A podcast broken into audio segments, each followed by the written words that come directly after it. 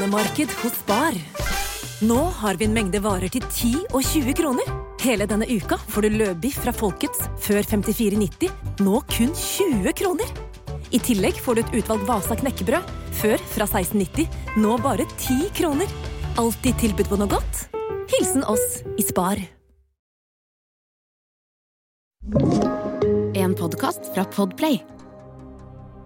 Denne episoden kan være skremmende for enkelte lyttere. Om du er yngre eller sensitiv, bør du lytte til episoden med en voksen du stoler på, eller skru av.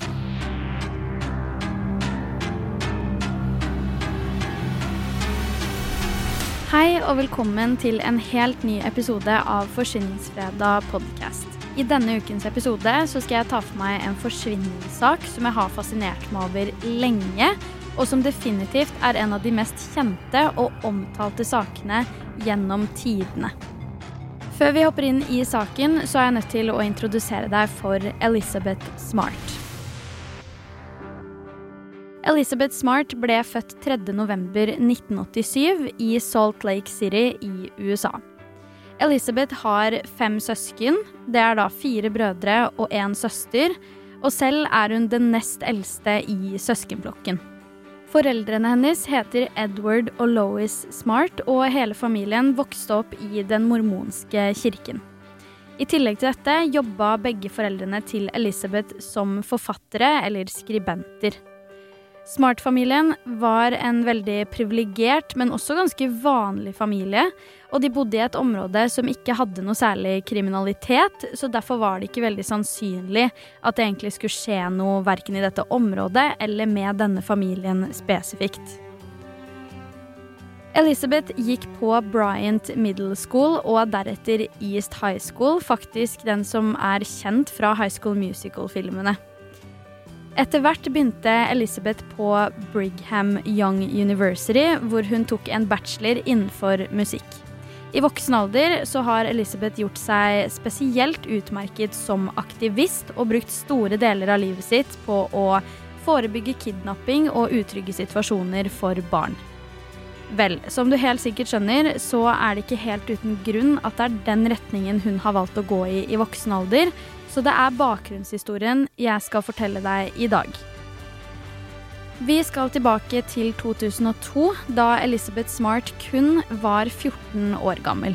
Det var i denne alderen at Elizabeth virkelig begynte å interessere seg for å spille harpe, og jobba veldig for å utvikle harpespillingen sin, i tillegg til at hun drev med ridning ved siden av.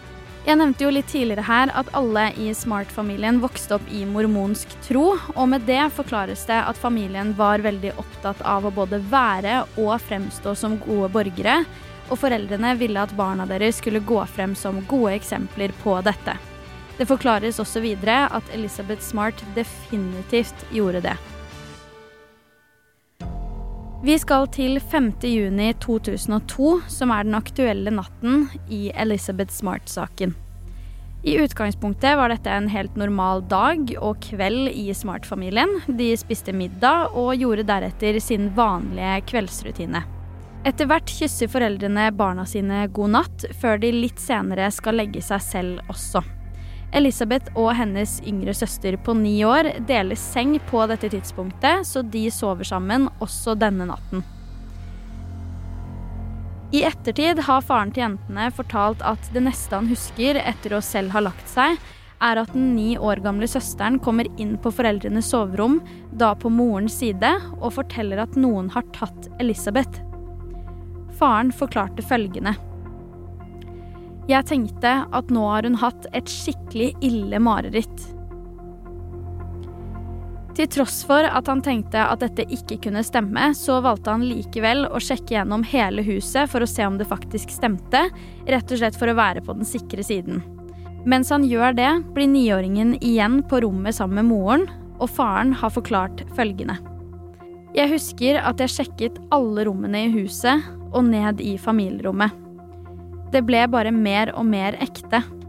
Ting ble veldig ekte da Louise kom ned og vi begge oppdaget vinduet på kjøkkenet.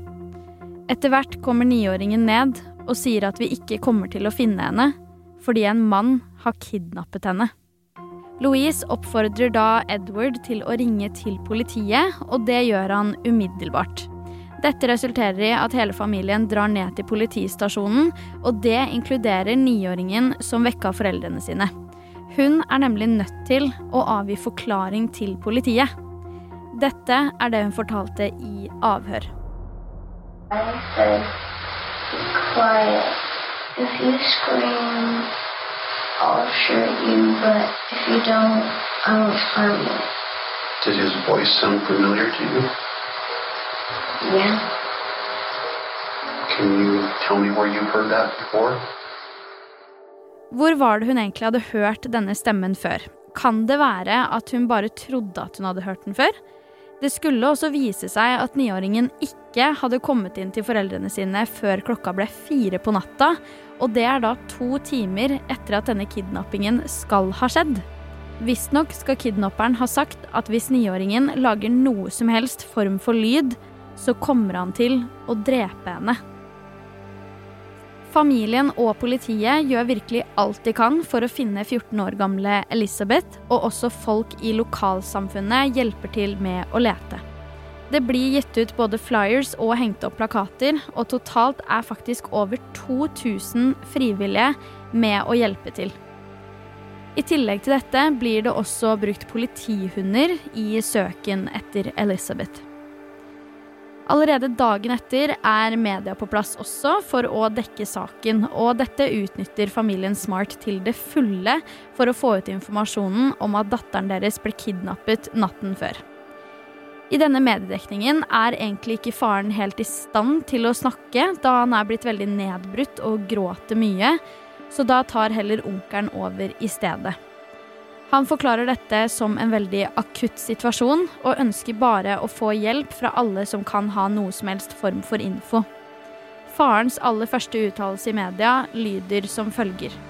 Elizabeth, if you're out there, we're doing everything we possibly can to help you. We love you. We want you to come home safely. Mick Fennerty var etterforskningsleder fra FBI på denne saken. I et intervju i etterkant av forsvinningen så har han fortalt at når en 14 år gammel jente forsvinner, så øker også sannsynligheten for at dette er en seksuelt motivert forsvinning betraktelig. Dette er derfor en teori politiet og etterforskerne ser inn i ganske umiddelbart i den innledende fasen av etterforskningen, og han mener faktisk også at Elisabeth måtte ha vært et utvalgt offer, og at det ikke er tilfeldig at han valgte nettopp henne. Til tross for dette var Elisabeth et veldig usannsynlig offer, sett i lys av at hun ikke var del av noen chatforum eller lignende, som kunne gjort henne mer utsatt for lignende hendelser. Hva er det da som er grunnen til at Elisabeth skulle være personlig utvalgt? Hadde gjerningspersonen sett henne ute? Bodde vedkommende i nabolaget? Altså Her er det mye som kunne være sannheten. En annen teori som veldig ofte dukker opp i saker som denne, er jo at personen som har forsvunnet, har valgt å gjøre det selv. I denne saken ble jo ikke den teorien særlig utforsket engang, rett og slett fordi man har et øyevitne til kidnappingen, i tillegg til at Elisabeth kommer fra en familie uten noen særlig krangler eller dårlig stemning, så det ville være enda mindre sannsynlig at hun ville stikke av selv. Som en del av etterforskningen blir jo naturligvis også foreldrene avhørt, men i dette tilfellet blir faktisk faren testa litt ekstra Kanskje på bakgrunn av at niåringen sa at hun kjente igjen stemmen, men ikke klarte å huske hvor hun hadde hørt den før. Faren blir da etter hvert satt i en løgndetektor i forbindelse med denne saken. I utgangspunktet så er det jo ikke så rart at politiet ønsker å utfordre faren litt i avhør, spesielt om vi tar i betraktning at forbrytelser som denne, samt voldtekter og lignende, er forbrytelser som statistisk sett begås mest av personer i nær relasjon til offeret. Denne løgndetektortesten består han uansett, og politiet går derfor god for at han har vært ærlig med dem hele tiden, og dermed blir han heller aldri kategorisert som noe mistenkt i saken. Den aller første mistenkte i saken er imidlertid en 26 år gammel mann, nemlig Brett Michael Edmunds. Mistanken mot han blir egentlig avfeid ganske med en gang, rett og slett fordi alibiet hans var sterkt nok, og han var innlagt på sykehus den aktuelle natten. 14.6, bare fem dager etter forsvinningen, så blir Richard Rissy pågrepet for å ha stjålet fra Smart-familien. Han hadde nemlig jobba for denne familien, men han hadde også en bakgrunn med rusmisbruk. Det er ikke så veldig mange detaljer offentlig rundt akkurat dette og hva han skal ha stjålet, men poenget er uansett at selv om han ble pågrepet for dette rett etter kidnappingen, så nekter han for å ha noe som helst med kidnappingen å gjøre. Det gir jo mening sett i et logisk perspektiv også, for hvorfor skulle en person som bare noen dager før har kidnappet en jente fra hennes egne soverom, dra tilbake bare noen dager senere til samme hus for å stjele noe? Det er jo i bunn og grunn som å be om å bli tatt, så i mitt hode virker det jo ikke veldig sannsynlig uansett. Det hadde likevel vært veldig interessant å vite når det innbruddet skal ha skjedd, for det er jo ikke sikkert at han ble pågrepet samme dag som han stjal fra dem. Denne mannen ble i hvert fall ikke hovedmistenkt, selv om politiet holdt et ekstra øye med han. Dette angivelig fordi alibiet hans hørtes ut til å være troverdig og å stemme. 30. august 2002 dør faktisk Richard Rissy av hjerneblødning i fengsel.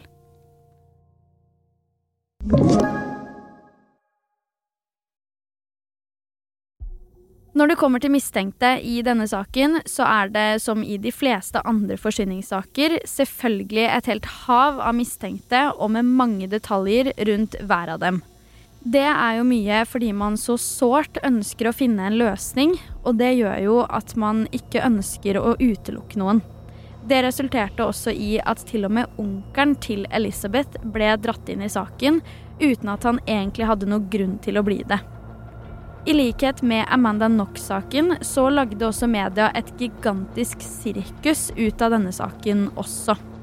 Dessverre er det veldig ofte det som skjer i sånne her type forsvinningssaker, at media spiller veldig små og ubetydelige detaljer til å bli veldig store. Ikke nok med det, men noen ganger skapes det også falske rykter som media har lett for å blåse opp, og det var akkurat det som skjedde i denne saken også. Enkelte artikler i sin tid skrev bl.a. om at de hadde fått inn tips fra en kilde som kunne fortelle om en dagbok som røpte at Smart-familien var del av en sexring, og at det var grunnen for kidnappingen. Det er jo helt vanvittig store ord å komme med, og også et helt grusomt rykte å sette ut. Men sånn var det altså på den tiden her, selv om det er helt vilt at det i det hele tatt skulle vært lov å dele i media. Du har kanskje lagt merke til at jeg hittil ikke har nevnt at denne saken er uløst. Og det er rett og slett fordi dette er en av de ganske få kjente forsvinningssakene der man faktisk har løst saken, og det med livet til offeret i behold.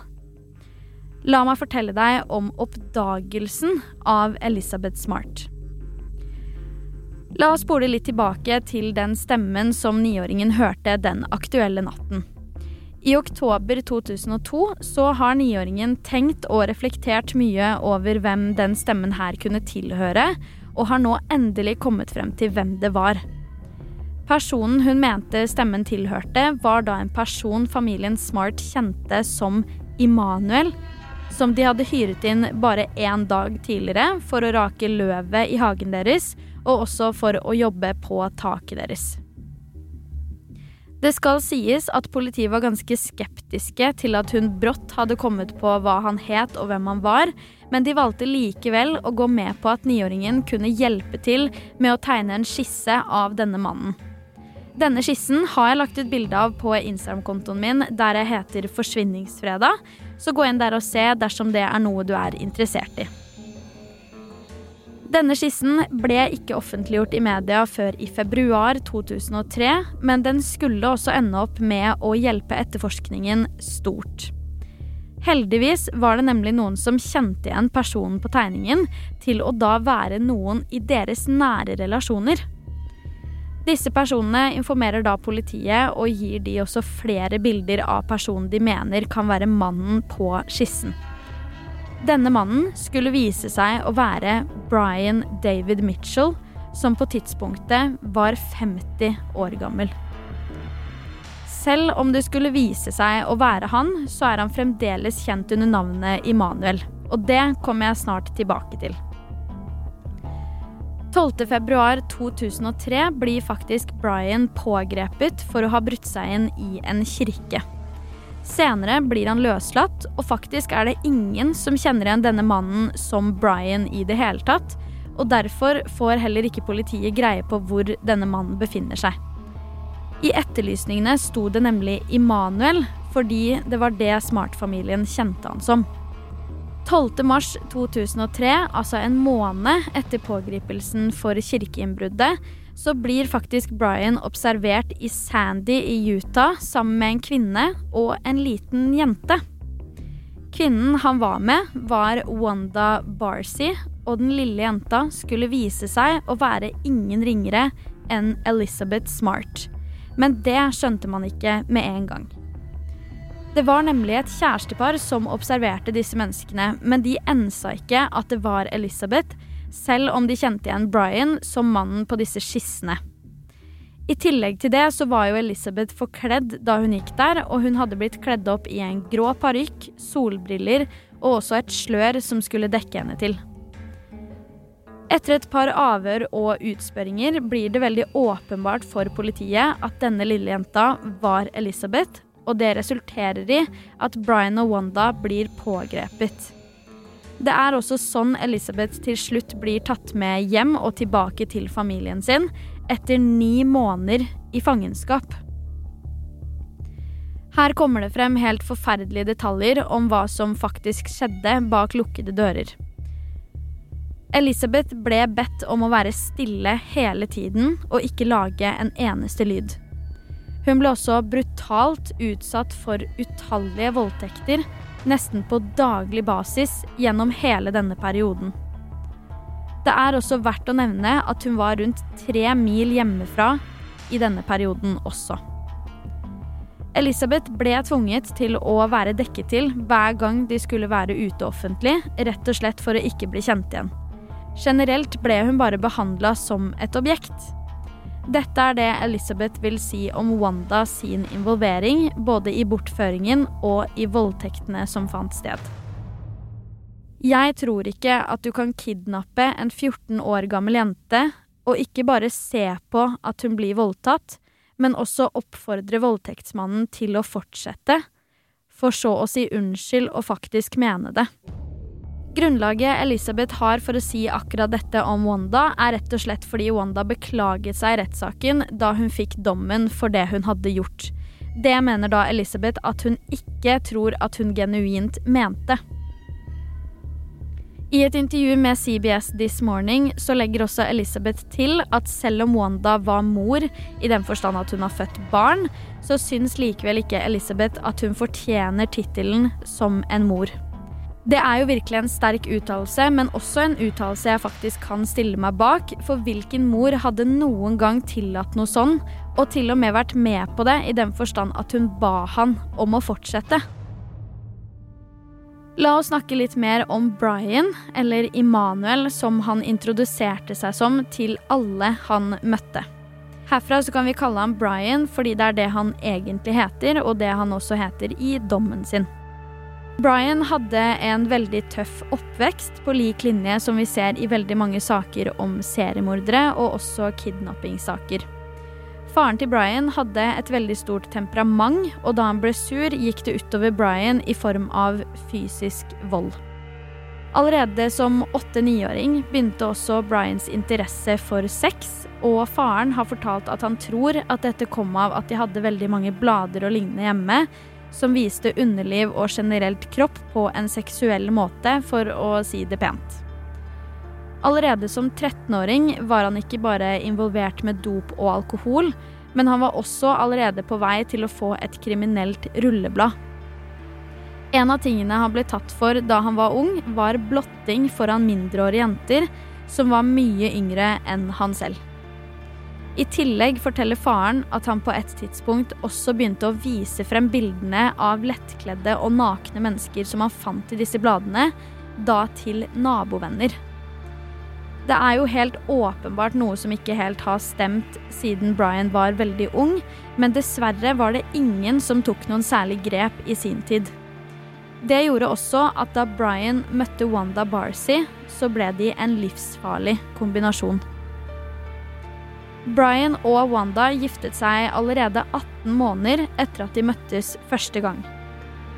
De møttes første gang på et slags møte eller et råd, der Wanda kom etter å ha gått ut av et 20 år langt ekteskap.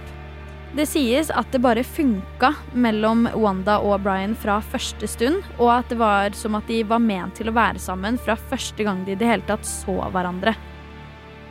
Disse to lever i likhet med Smart-familien også i mormonsk tro.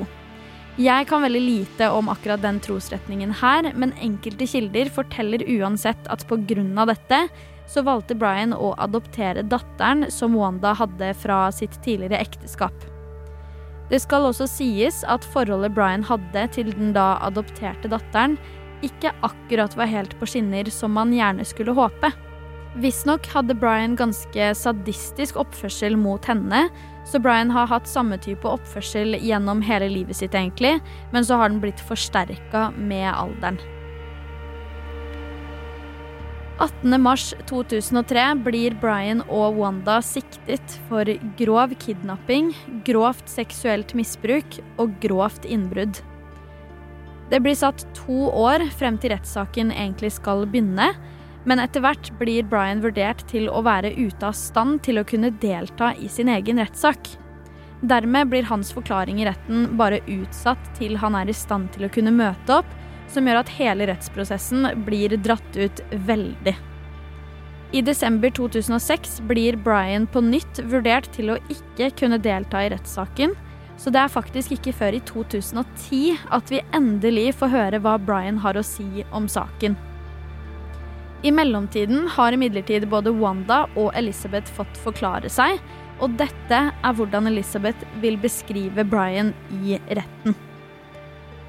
Han er smart, velartikulert, ond, manipulativ, sleip, slimete, egoistisk, grådig, ikke spirituell, ikke religiøs og ikke nær til Gud. 17.11.2009 blir Wanda Barcy dømt til 15 års fengsel for sin involvering i saken. 11.9.2018 blir det faktisk bestemt at hun skal få bli prøveløslatt allerede 19.9. samme året, etter at domstolen hadde glemt å gi henne strafferabatt for årene hun hadde sittet i varetekt før dommen kom. Selv om hun ble prøveløslatt, så var hun likevel under føderalt tilsyn, så i løpet av de neste fem årene skulle hun vurderes underveis. Om hun da gjorde noe som ikke tilsa at hun var en god borger, eller at hun hadde gjentagelsesfare, så ville hun bli satt inn i fengsel igjen. Nå er vi jo faktisk ikke så langt fra den femårsgrensa, så i september i år så kan det faktisk hende at Wanda Barcy blir løslatt, og dermed kan gå ut i verden som et helt fritt menneske. For Brian Mitchell er det på den andre siden en litt annen sak. 25. mai 2011 blir han dømt til to livstidsdommer i fengsel for alle tiltalepunktene, og han har da heller ikke krav på prøveløslatelse. Brian Mitchell sitter da selvfølgelig fremdeles inne i fengsel, og er per i dag 69 år gammel. I ettertid av denne kidnappingen har Elisabeth vært veldig verbal i media og offentligheten om denne saken, og har virkelig ingen problem med å snakke om det heller. Dette begynte hun med rundt en måneds tid etter at hun endelig kom seg ut av fangenskapet, og ifølge henne selv var dette mye pga. faren hennes. Elizabeth Smart er i dag 35 år gammel og er gift med Matthew Gilmore, og har vært det helt siden 2012. Sammen med Matthew har Elisabeth fått tre barn, og hun er i dag aktivist når det kommer til barnesikkerhet, og jobber også som kommentator for ABC News. Elisabeth selv har sagt at hun alltid har beundret de som har klart å kunne gjøre en forskjell i verden, og at hun aldri tenkte tanken engang på at det kunne være henne. Men i dag ønsker hun å bruke erfaringene sine til å spre bevissthet rundt kidnappingen og lignende, og selvfølgelig også øke sikkerheten for barn og mindreårige. Elizabeth Smart-saken går nok frem som et eksempel på en av de dessverre mange forsvinningssakene fra både 90-tallet og som i denne saken tidlig 2000. Denne saken lærte oss mye, og det er også ufattelig fint å se hvordan Elisabeth snudde dette om til å bli noe som kunne hjelpe både henne selv og andre. I 2022 så var det 20 år siden kidnappingen til Elisabeth, og det er helt vanvittig å se hvor mye hun har fått til på de 20 årene. Du har hørt Forsyningsfredag podkast med meg, Sara Høydahl. Tusen takk for at du har lytta til episoden. Jeg er tilbake med en helt ny en allerede neste fredag, og i mellomtiden, ta vare på deg selv.